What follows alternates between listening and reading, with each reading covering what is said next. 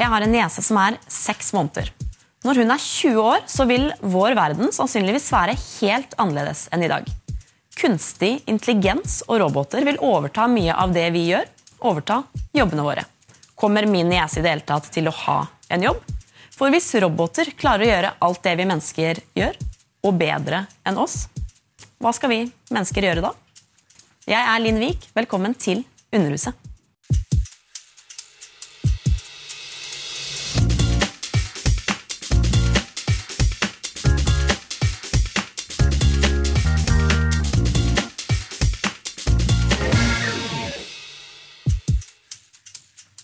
Hei, Milfred. Hvem er egentlig du?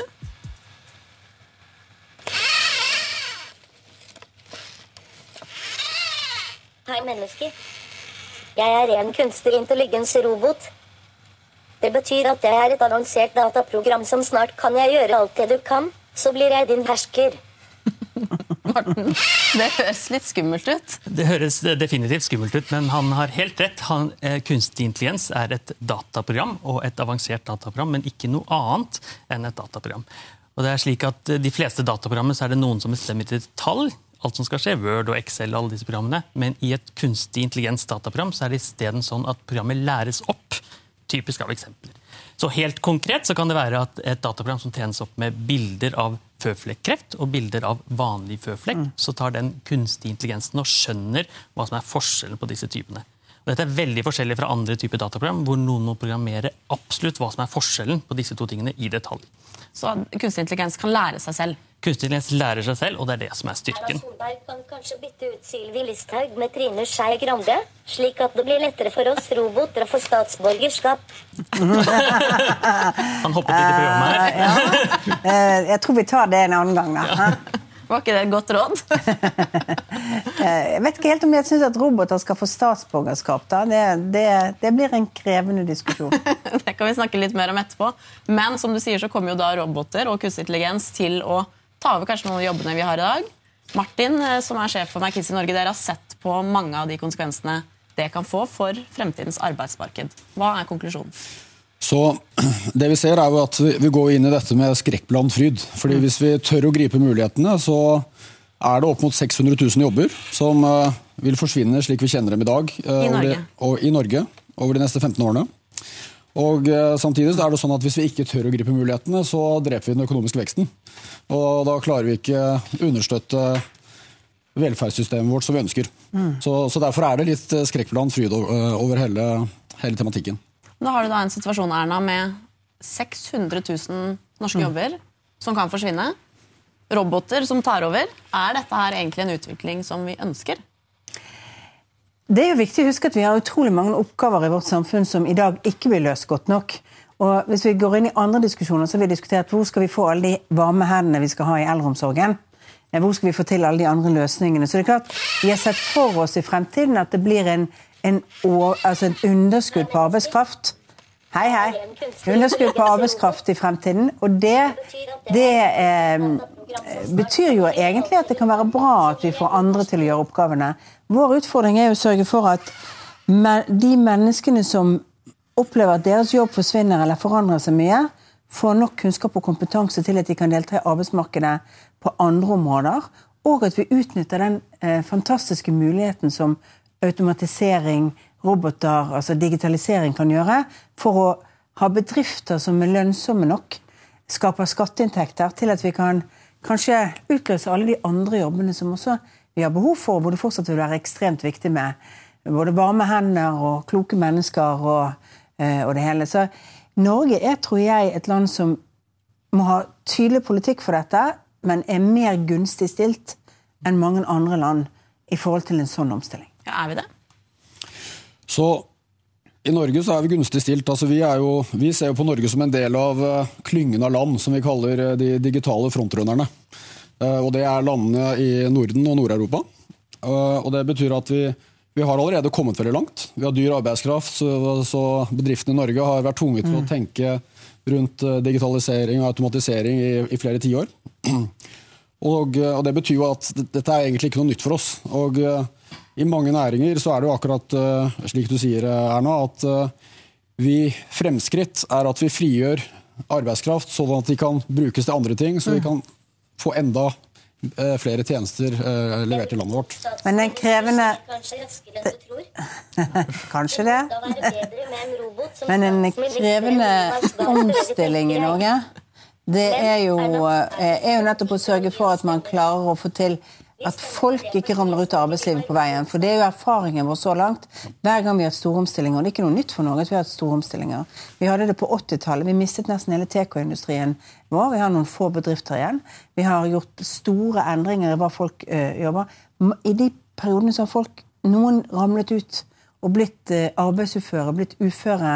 Men 600 000 jobber, det er et enormt tall. Ja da, det er et enormt tall, og derfor er det vi sier at derfor må vi ha en helt annen politikk for kompetanseheving fremover.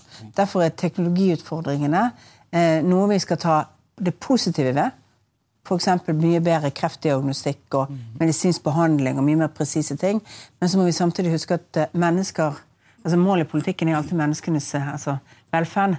Og da er det jo viktig at vi sørger for at folk ikke ramler ut. At vi får helt andre og mer fleksible måter for å fylle på og endre kompetansen. Det krever andre politiske grep, og det er noe av det vi jobber med i regjeringen. Jeg tror helt klart at det er noen yrker som kommer til å forsvinne, som sjåfører pga. selvkjørende biler og regnskapsfører og sånne ting. Men for de aller fleste så vil jo det være oppgaver som automatiseres. Så legene får kanskje et verktøy som hjelper de å diagnostisere, men det er jo bare en del av det legen gjør. Så En gang i tiden fikk legene røntgenapparat, for eksempel, og da ble det mye lettere å se på innsiden av menneskekroppen og diagnostisere et brukket bein med røntgenapparat. Er rettere enn å liksom trykke på kroppen på utsiden.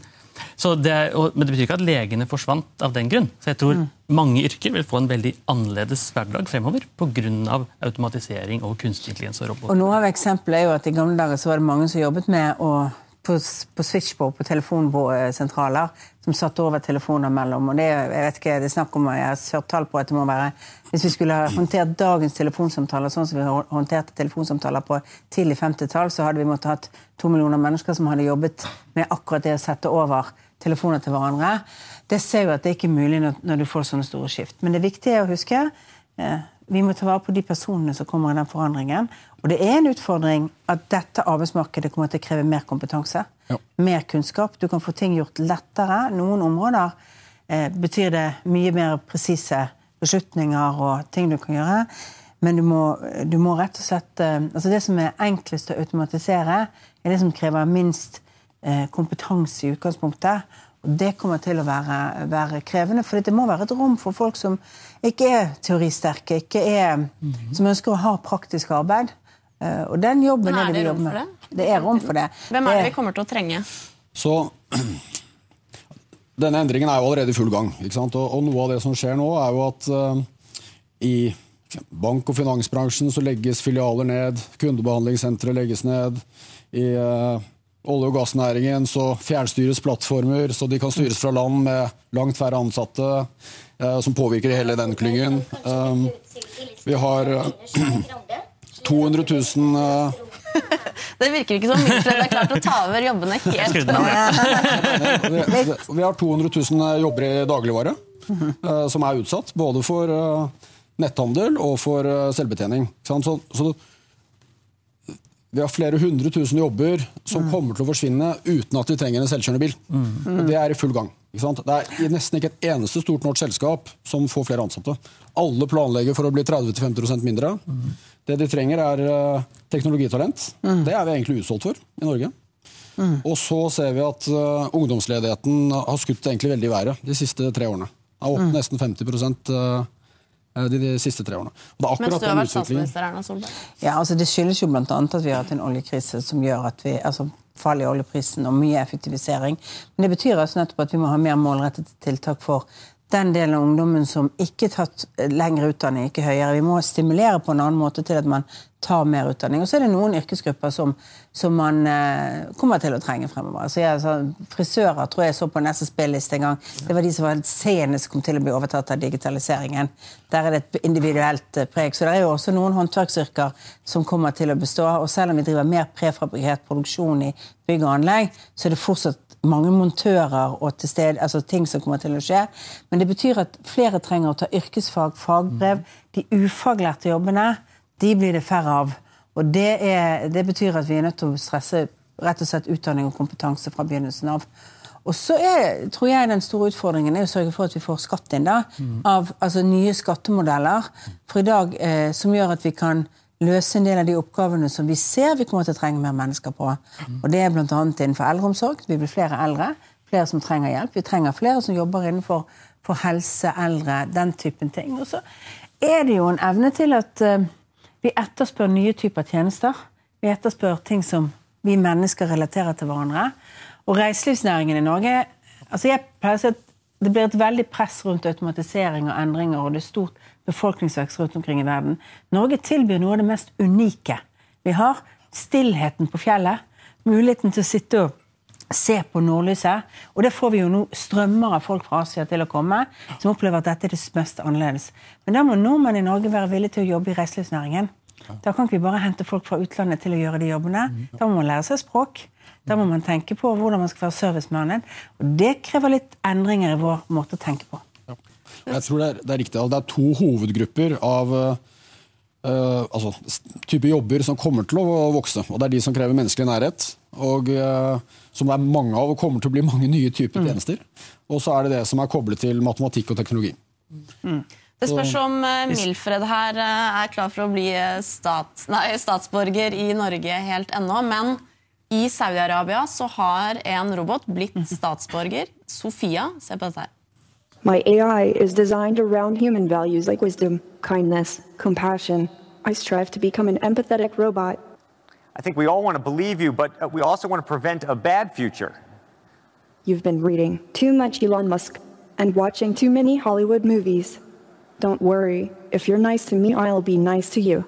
Treat me as a smart input output system. Vi har fått inn deg, Einar. Du jobber sammen med Morten, men du er eh, professor i filosofi. Sofia, som vi ser her, hvor lik er hun oss? Altså er, eh, hun er jo mer og mer lik oss i utseende, og hun er mer og mer lik oss når det gjelder eh, intelligens. altså det Å løse oppgaver på en mer effektiv måte enn oss, så blir de mer og mer like oss. Men det er veldig viktig å skille mellom den type intelligens og det at de skal bli for eksempel, som oss på nivå med å få bevissthet. For eksempel. altså, det å være bevisst det er noe sånn som vi sitter her nå, så er det fra innsiden så å si, en måte å være oss på. Mm. altså Det oppleves på en viss måte å være Erna å sitte her nå. ikke sant? Og så se ut fra innsiden og se utover. Den har jo ikke Mac-en min, f.eks. Den har ikke datasystemet bare fordi de løser oppgaver effektivt. Bare fordi sånn som Milfred her sitter og svarer på spørsmål fra Morten, så er det ikke dermed sagt at den er bevisst. Men den her gjenkjenner ansikter, den gjenkjenner språk, den kan respondere mm. riktig. Og det er to helt forskjellige ting. Så bare det at du blir veldig flink og veldig intelligent, behøver ikke si at du blir veldig bevisst. Så du kan være intelligent, ikke bevisst, bevisst, ikke veldig intelligent. Visdomsmenn som Stephen Hawking og eh, Tesla-sjefen som eh, Sofia her refererte til, de er jo bekymret for at roboter skal ta over verden, ta over menneskeheten. Er det grunn til det?